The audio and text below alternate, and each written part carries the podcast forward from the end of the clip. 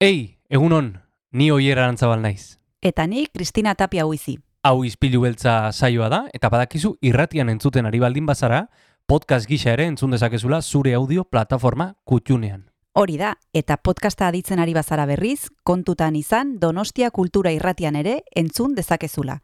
FM eundazazpi puntu lau frekuentzian. Sare sozialetan ere topatuko gaituzu noski, izpilu beltza bilatuta, Instagram, Facebook eta Twitterren. Besterik gabe, guazen gaurko saioarekin. Az gaitezen,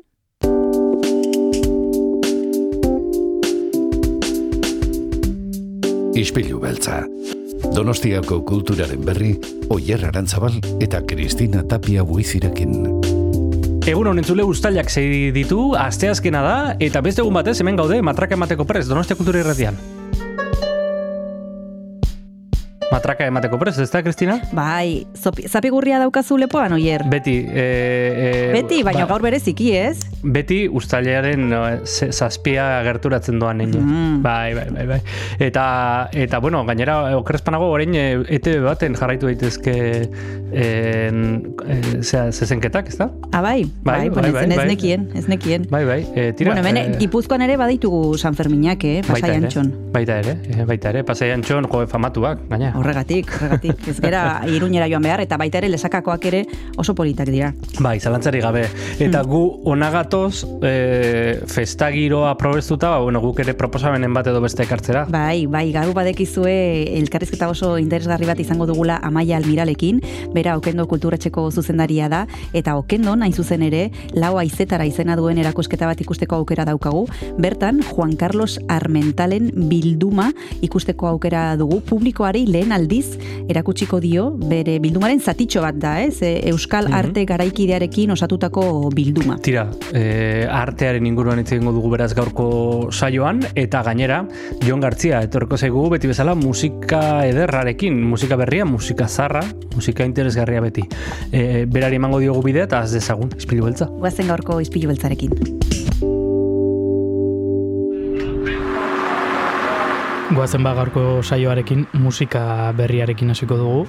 Eren egun izeneko talde donostiarrak abesti berria atera du, txaka eta amaioekin batera, hau da bi mundu.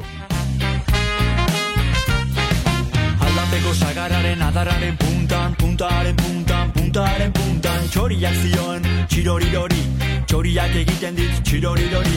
Txoria ikusten dut egan iesik, salto batekin da junda adarotatik nora doan Egan, nahi nuke jakin eta toki horretan baote den zuaizik Egan kartzen da berriro lainoen gainetik. Horrela sentitze baita txoria biziri Txoria maite duzula esaten duzu beti. Benetan maite baduzu egoak ez ebaki Egoak ez ebaki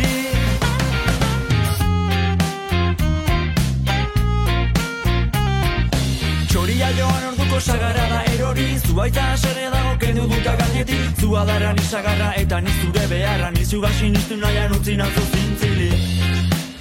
Utzi nauzu zintzili. Ezin jakin on zauden Galdetzen dudan bakoitzean.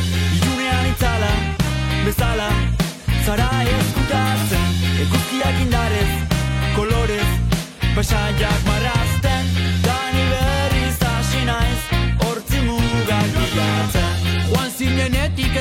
nonago nona izen ta berdin dudenak Azaldu edo etorriko zaren itxaropena. Orain ez da bukatzen Naiz da gauetan zerura begiratzen. Horregongo naizelako Esperantza galdu gabe.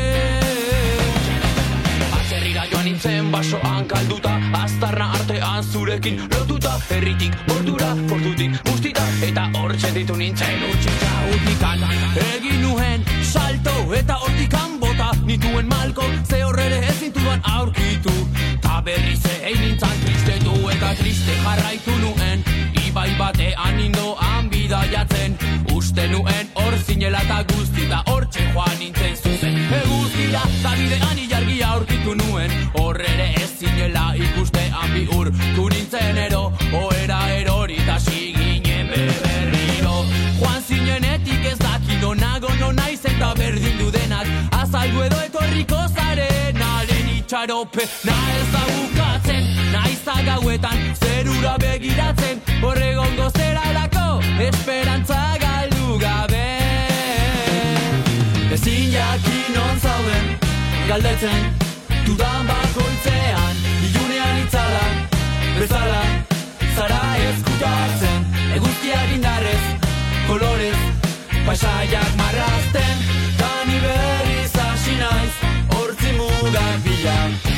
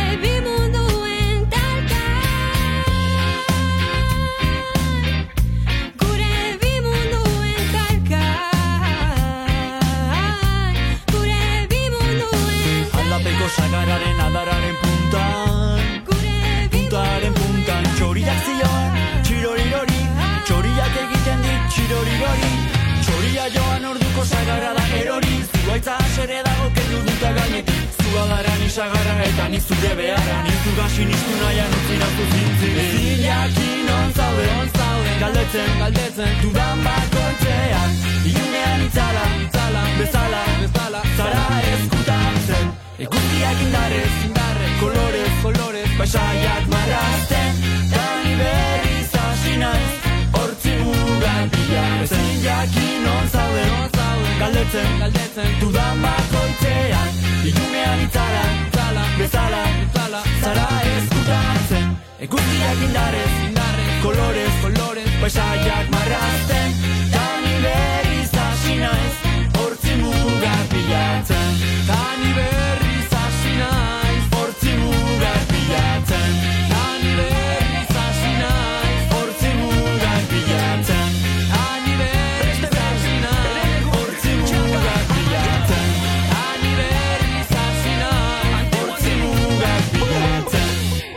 bila rokendora egingo dugu salto, bertan lau aizetara erakusketa ikusteko aukera izango dugu, abuztuaren hogeir arte, Juan Carlos Armentalek publikoari lehen aldiz erakutsiko dio bere bildumaren zati bat, Euskal Arte garaikidearekin osatutako bilduma. Oni buruz, aritzeko, okendo kulturetxeko zuzendaria, Amaia Almiral gonbidatu dugu, Egun hona maia, zer modu zaude? Egun hon, ba, osondo. oso pozik. Daukagu Luxuzko korrespontsala zezu bertan, oraintxe bertan, aretoan zaude e, arteak e, eskaintzen dizkigun aukera hauek ikusteko zure begiekin ikusten ari zara e, hor e, erakusketa hontan ikusteko aukera ditugun artelanak. Eta hor bertan zaudela maia, zer ikusten duzu? Zer da lau aizetara erakusketan ikus dezakeguna? Ba, em, lau aizetara erakusketan, e, gauza bat baino gehiago ikusiko dugu. E, batetik, mm, beti ere noski, e, Juan Carlos Armentalen e, bildumatik abiatuta, zeinari lehenik eta behin beti eskerrak ematen dizkiogu, eta orain ere aprobetsatu nahi dut eskerrak emateko. Bueno, hori esan da, zer ikusten dugu? E, ba, ikusten dugu oso bilduma anitza, hau da, e, mm, bizitariek eukiko dute aukera ikusteko oso mm, mota desberdinetako mm, lanak, bai? Ez da, dana, ba, ezakit, hipermodernoa, edo hiperklasikoa, edo, bueno, badago, nasketa bat, bai? E, nasketa bat, ba, nire ustez oso edarra dana, zeren ematen dizu, egun urtetan, ba, artea nola jundan, mm, bueno, ba, azaltzen, ez dute esango garatzen, zeren hori beste kontu bada, bai? Orduan, batetik ikusten dugu hori nasketa bat, estilo nasketa bat, e, autore asko daude, eta orduan egun urtetan e, jaio diren e, hogeita mazazpi, hogeita maika barkatu e, artista, eta orduan da, produzio oso desberdina eman dutena. Eta anistasun hori da ikusiko duten lehenengo gauza. Bigarrenik, e, ikusiko dut ere bai, e, erakusketa ordenatu egin dagulako hain zuzen ere artista hoien jaiote, gun, jaiote e, urtearen arabera, bai? Orduan ikusiko dute, ba, bueno, ba, zein izan den artearen em, aldaketa, bai? Mm, lan hoien bidez, ba, ikusten da, ba, bueno, ba, nola junden artean gauza desberdin egiten. Ba, em, naizta, em, estilo klasikoak ere jarraitu duten, baina baita ere ikusten da, ba, estilo desberdinak egun ezagutzen ditugunak, nola jund, nun, nola eta noiz jundiren e, azaltzen. Eta gero azkenik, em, eman dugu, ba, pixka bat hau kokatzeko, ba, Gipuzkoan eta Donostian, bueno, e, importanteak izan diren e, itoak, beti nolabait artearekin e, lotuta.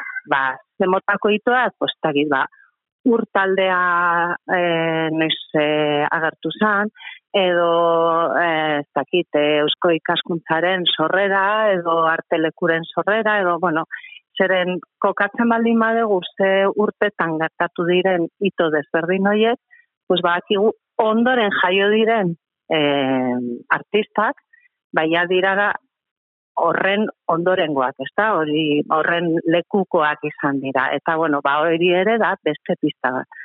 Orduan uste dugu azkenean ba, e, bueno, bilduma oso desberdina izanik, zen dago pixka bat denetik, ba gelditu dala oso modu argian eta didaktikoan. Eta bai, Eta amaia zenbat pieza dira guztira, eta autoretako batzuk zeintzuk dira. Vale.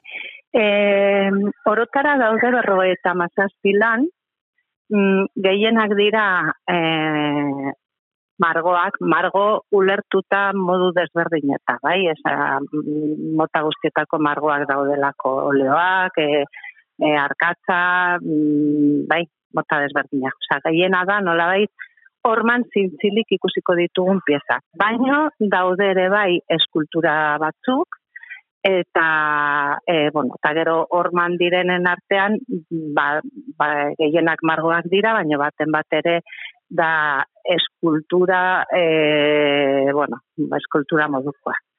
Orduan, e, Bale, mm, hoiek dira lana, berrogeita mazazpi lan, eta artistak esan dudan bezala, ba, hogeita maika dira, em, zarrena, mila sortzireun da, larogeita malauan jaioa, Francisco Mateos, em, bueno, honek adibidez, ba, e, e, izena esaten badegu, igual, esango dugu, pues, ez dakit, ez zait ezaguna egiten, ez Baina esaten baldin badut, e, artista honek e, Picassorekin batera parte hartu zula e, Republikak jarritako estana Parizko erakusketa unibertsala egin zenean, Hmm. bueno, ba, igual ja beste referentzia bai, bat hartzen dugu, bai. bai? Gero izan zen, autore bat, ba, bueno, ba, oso izkutatuta, zeren oso, eh, bueno, ba, es, Espainiak ez zion barkatu, bai, ez, eh, egindako republikaren aldeko autua, eta, bueno, ba, ba, fi, bere ondorengo garapena, ba, izan zaren nahiko gogor. Bueno, ba, hori bezala igual ez dala oso ezaguna, eta e, autore bakoitzak dauka asalten txiki bat, pixka bat bere, bueno, bagako nagusiak ematen dituna, beste batzuk aldiz, igual, badira asko ezagunagoak gure artean, ez? Publiko orokorraren txat, ez da?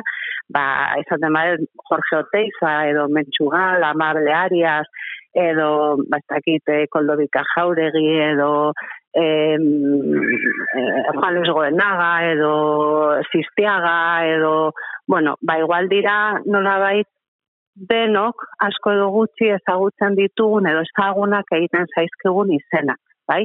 Orduan, hoiek denak badaude, bai? Ez ditut guztiak esango, baina hoiek denak badaude.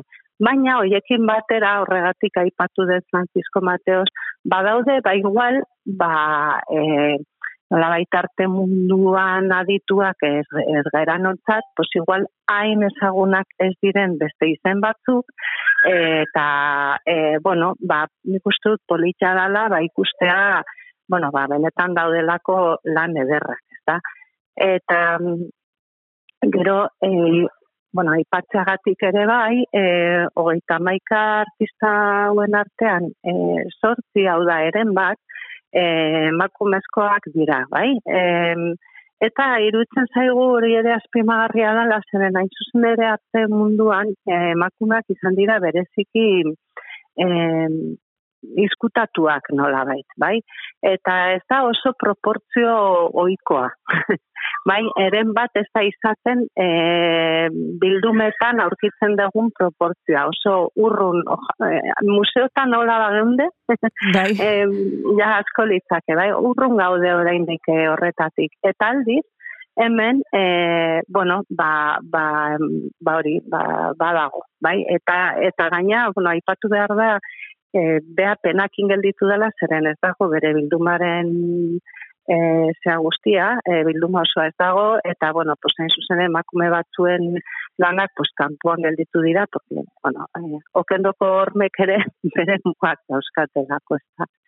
Eta, baina, bueno, pues, hor daude, pues, Marta Cárdenas, edo, e, aipatu duan bezala, e, Mentzugal edo e, Pilar Perez Ochoa, igual ez dala oso ezaguna, baina oso e, bueno, produkzio bueno, e, politia dauka, eta bueno, pues, eta bar. Amaia, orantxe bertan jarraituko dugu erakusketa honen inguruan hitz egiten, baina deskantsu bat hartu behar dugu, eta orantxe bertan itzuliko gara. Siempre has dormido tranquila, casi siempre boca arriba, Nunca he podido porque yo no.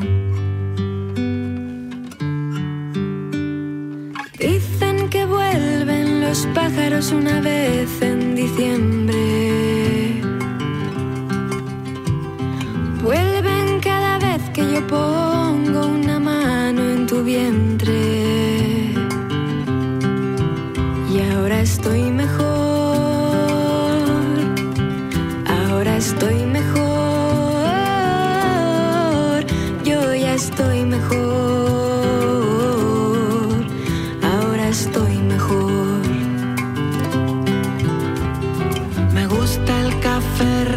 hecho, sin azúcar ni nada de eso.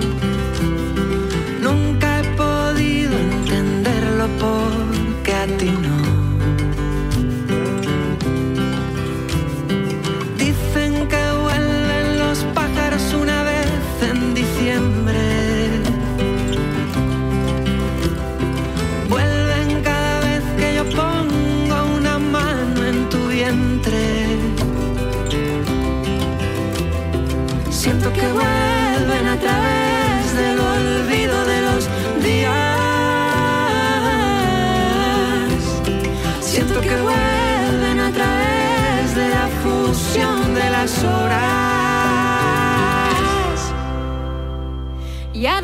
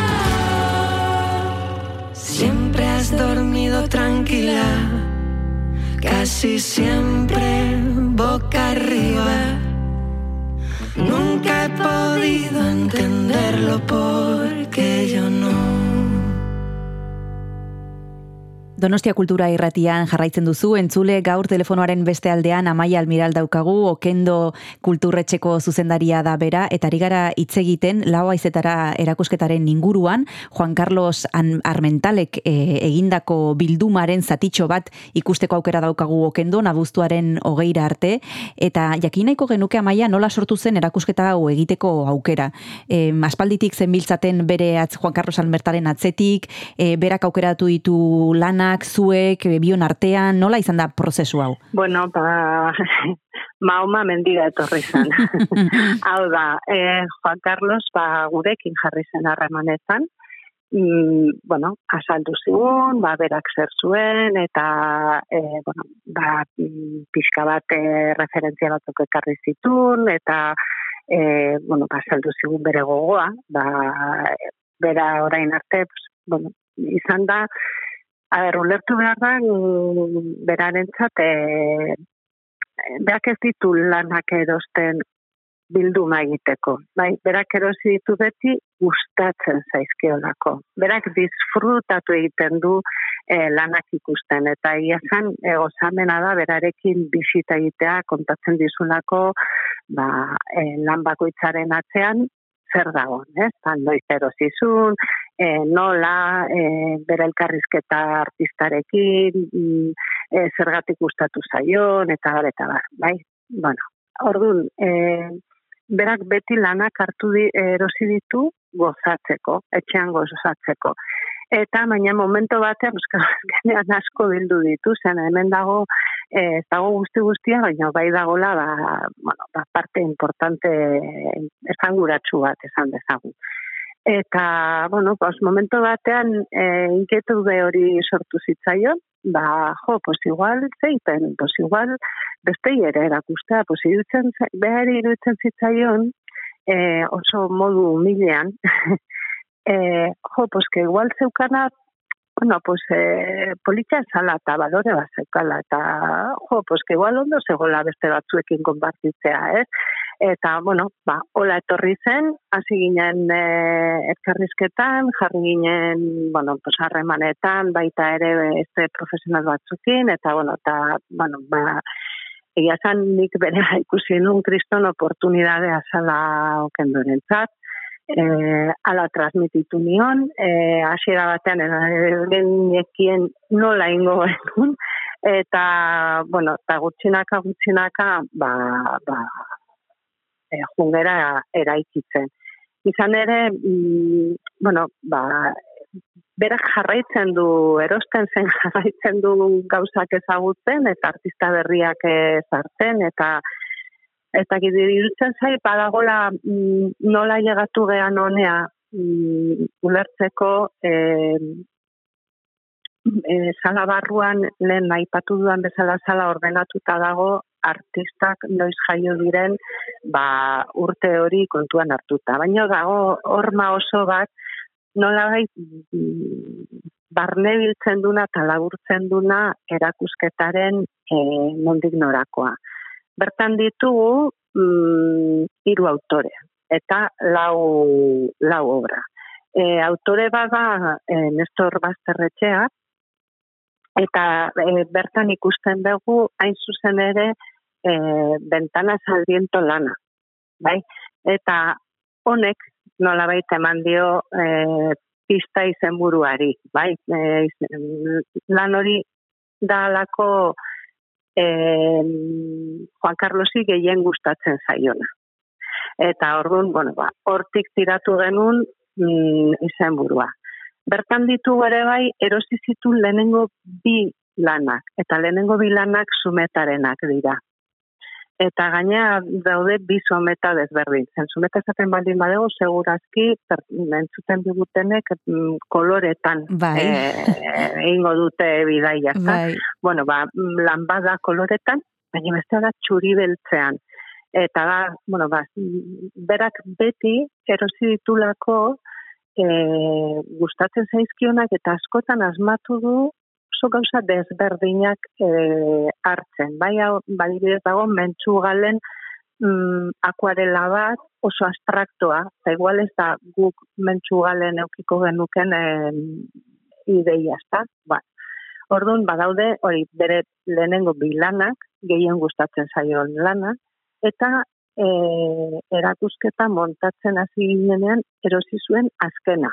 Dala, e, bueno, ba, gazteagoa den, emakumezko e, baten lana. Oaia peruarena, dala eman diona irudia e, erakusketari, bai programatxoari, eta ba, taukago ere bai okendoko kanpoaldean jarrita, eta bai.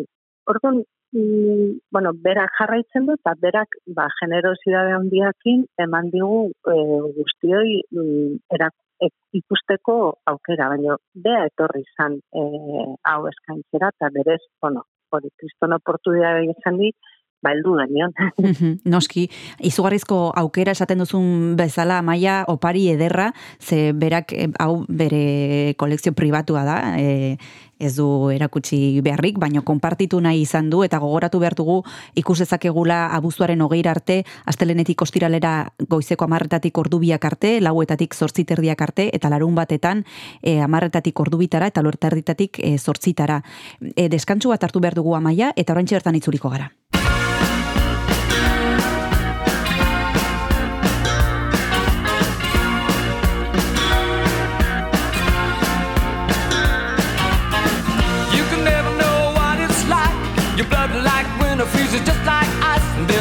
Lonely light that shines from you. You wind up like the wreck you hide behind that mask you use.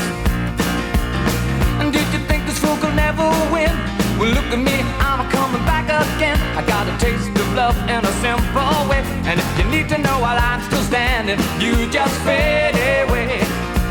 Don't you know I'm still standing better than I ever did? Looking like a true survivor,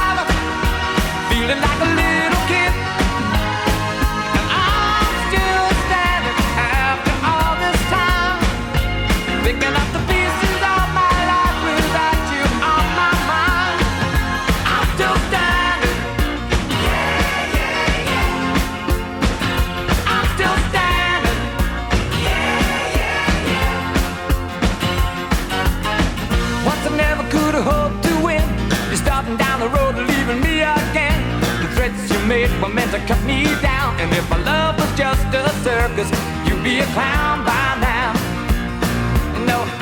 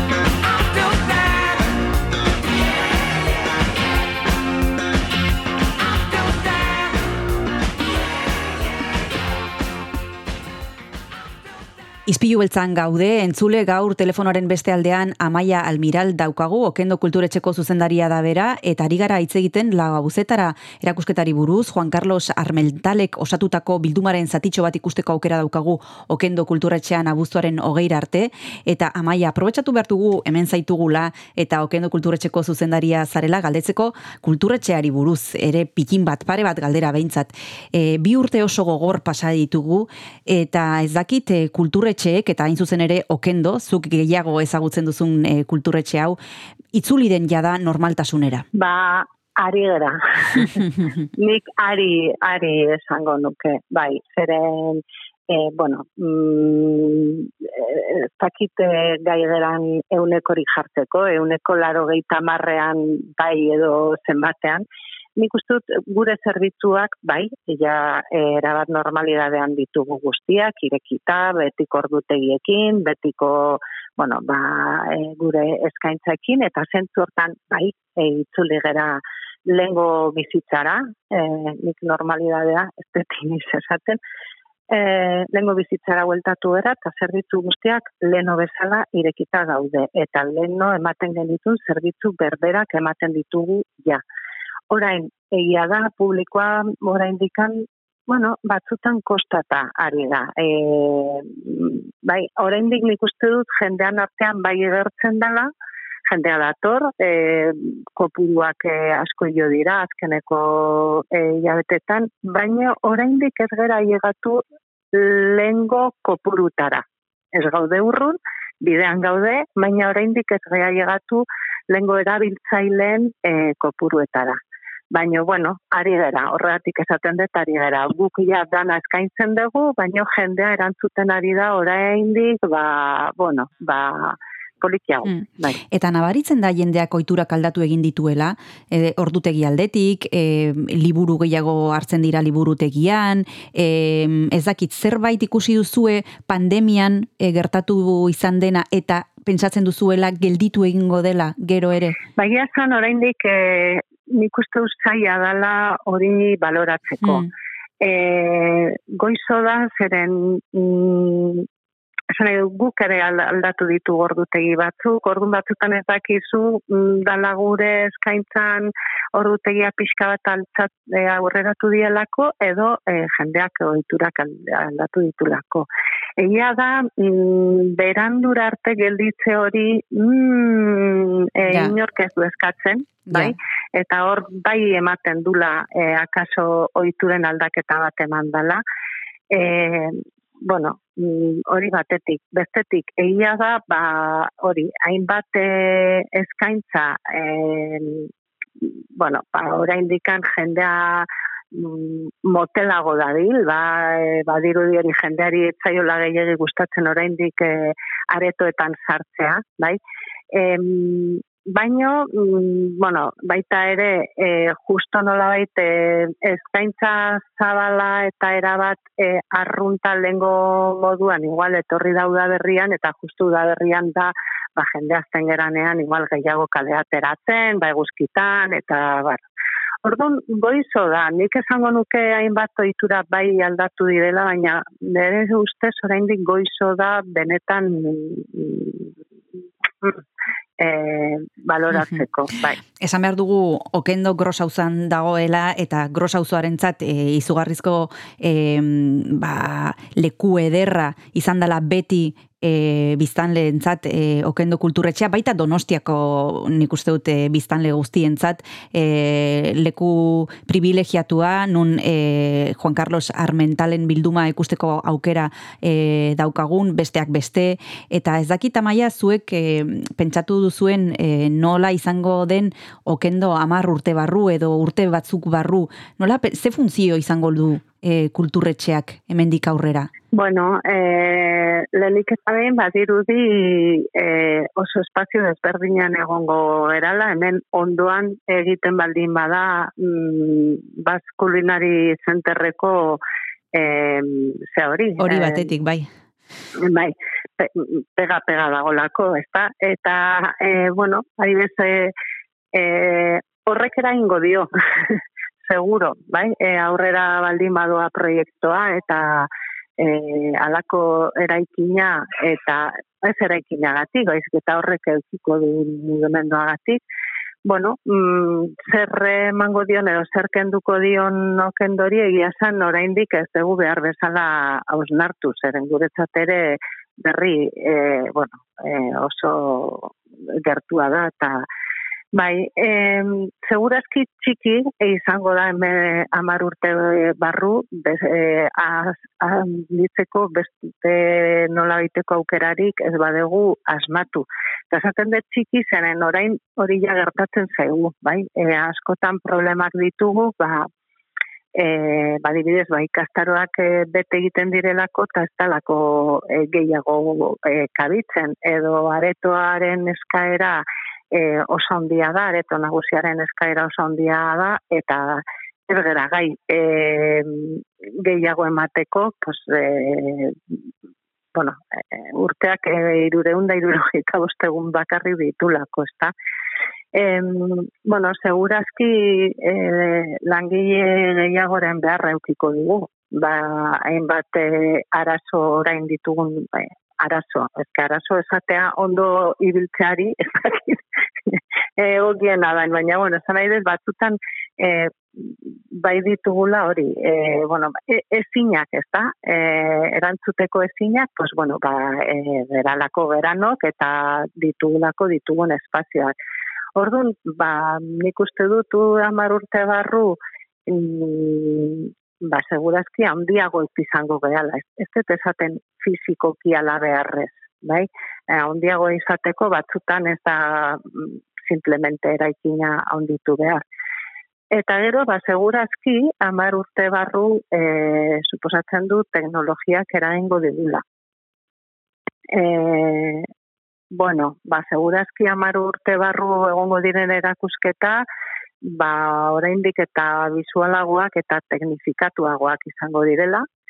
E, nik espero dut amar urte barru ere em, eraiki zarra txukunago egongo dela, behar du lako birpasa bat, behar du txukuntze bat, e, bueno, ba, egin zitzaion era, eraberritze bat, ja aspalditxoan, eta bueno, ba, bere gurrak eta bueno, ba, mimatu behar den eraikina da, ezta? Eta bueno, ba, espero dut urrengo hamar urte hauetan mimatze hori jasoko duela eta ordun egongo dala orain baino oraindik e, ederrago ez dute zango eta hori zaila dalako baino bai em, bueno, sanoago, bai, e, zainduagoa, bai.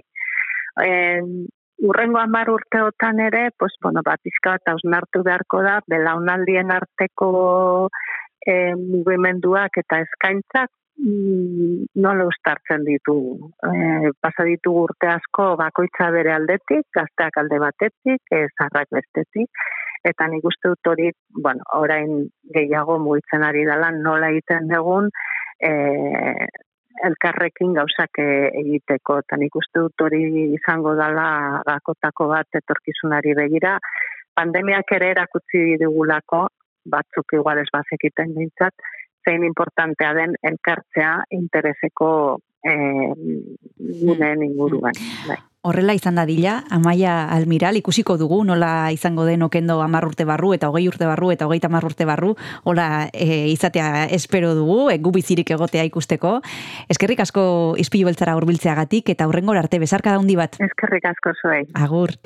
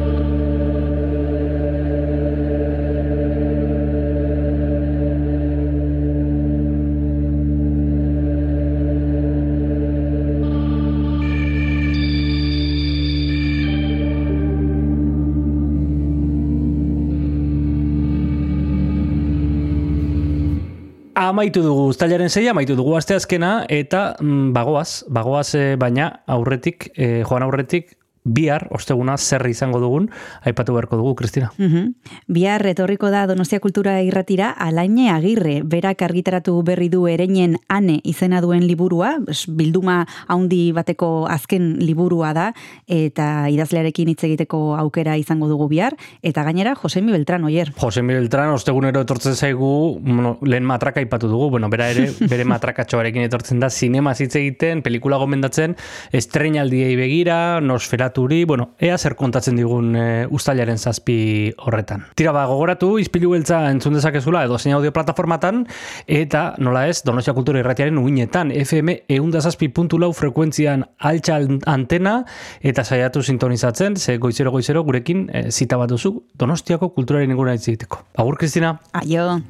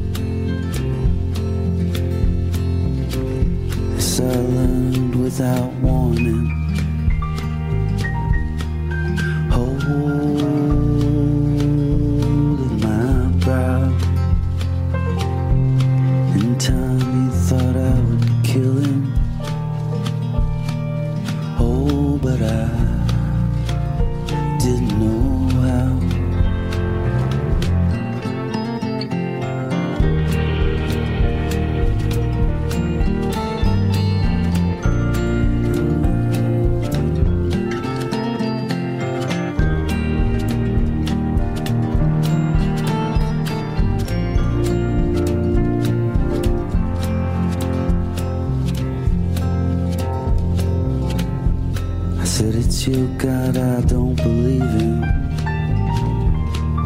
No, your Bible can't be true. Knocked down by the long line, he cried, I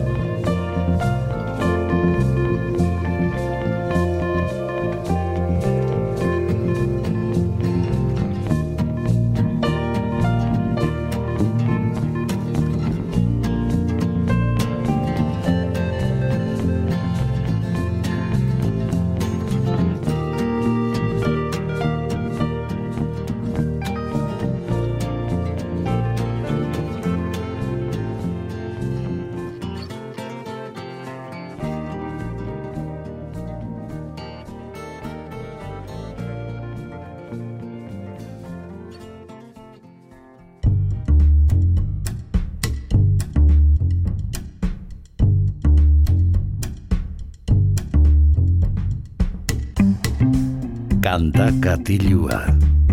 Jon Gartziaren eskutik. Kaixo entzule ongi etorri gaurko kantakatilura, badakizu hemen izpilu beltzari amaiera mateko musika pintxatzea gustatzen zaigula, diskoak pintxatzea are gehiago, eta gaurkoan alaxe egingo dugu, aio gara bidaiatuko dugu, Perfume Genius izeneko proiektua ezagutzeko, disko berria atera baitu, Ugly Season izenekoa, eta onela esasten da, Just a Room kantuarekin.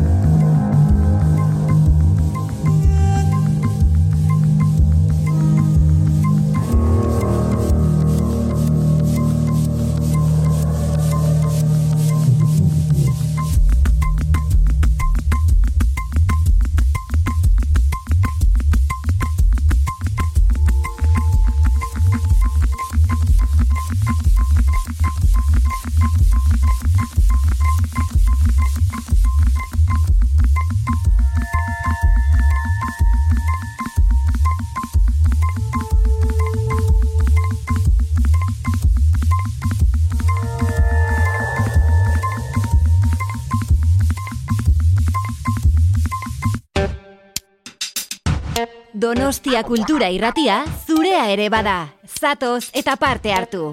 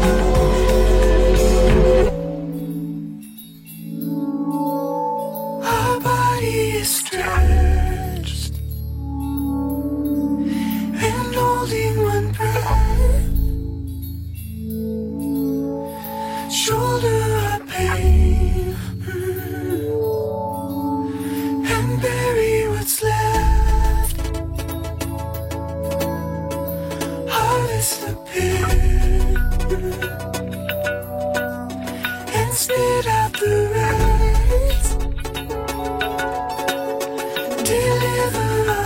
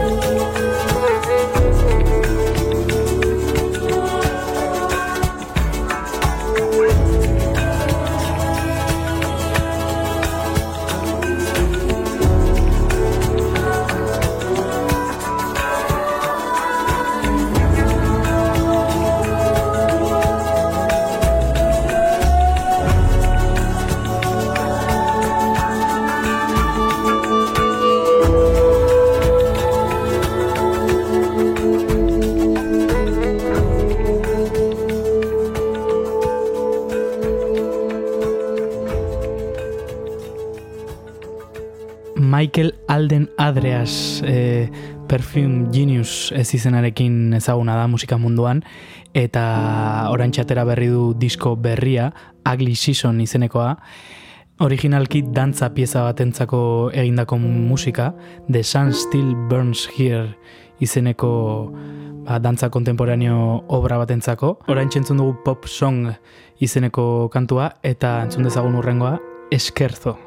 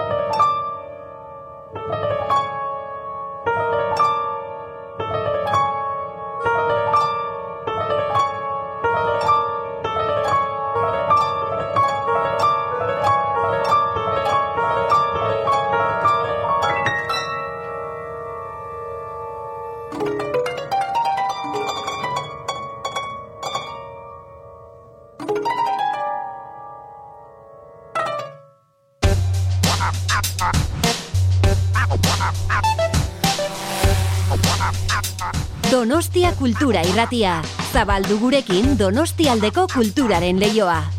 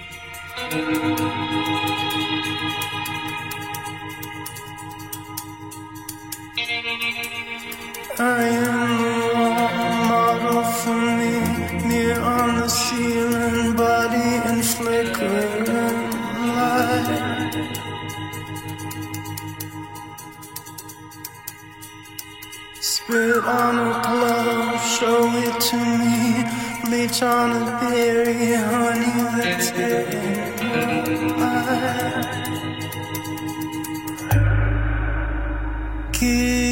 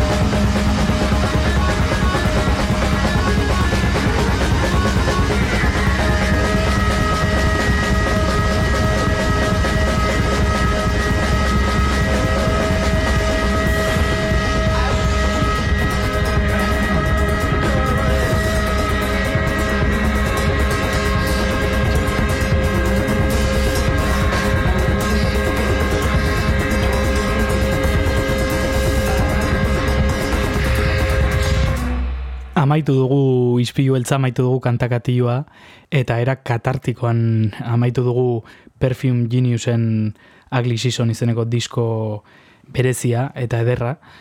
E, entzun dugu Hellbent e, orantxo bertan, eta Zenote izeneko kantuarekin utziko zaituztet, bihar arte.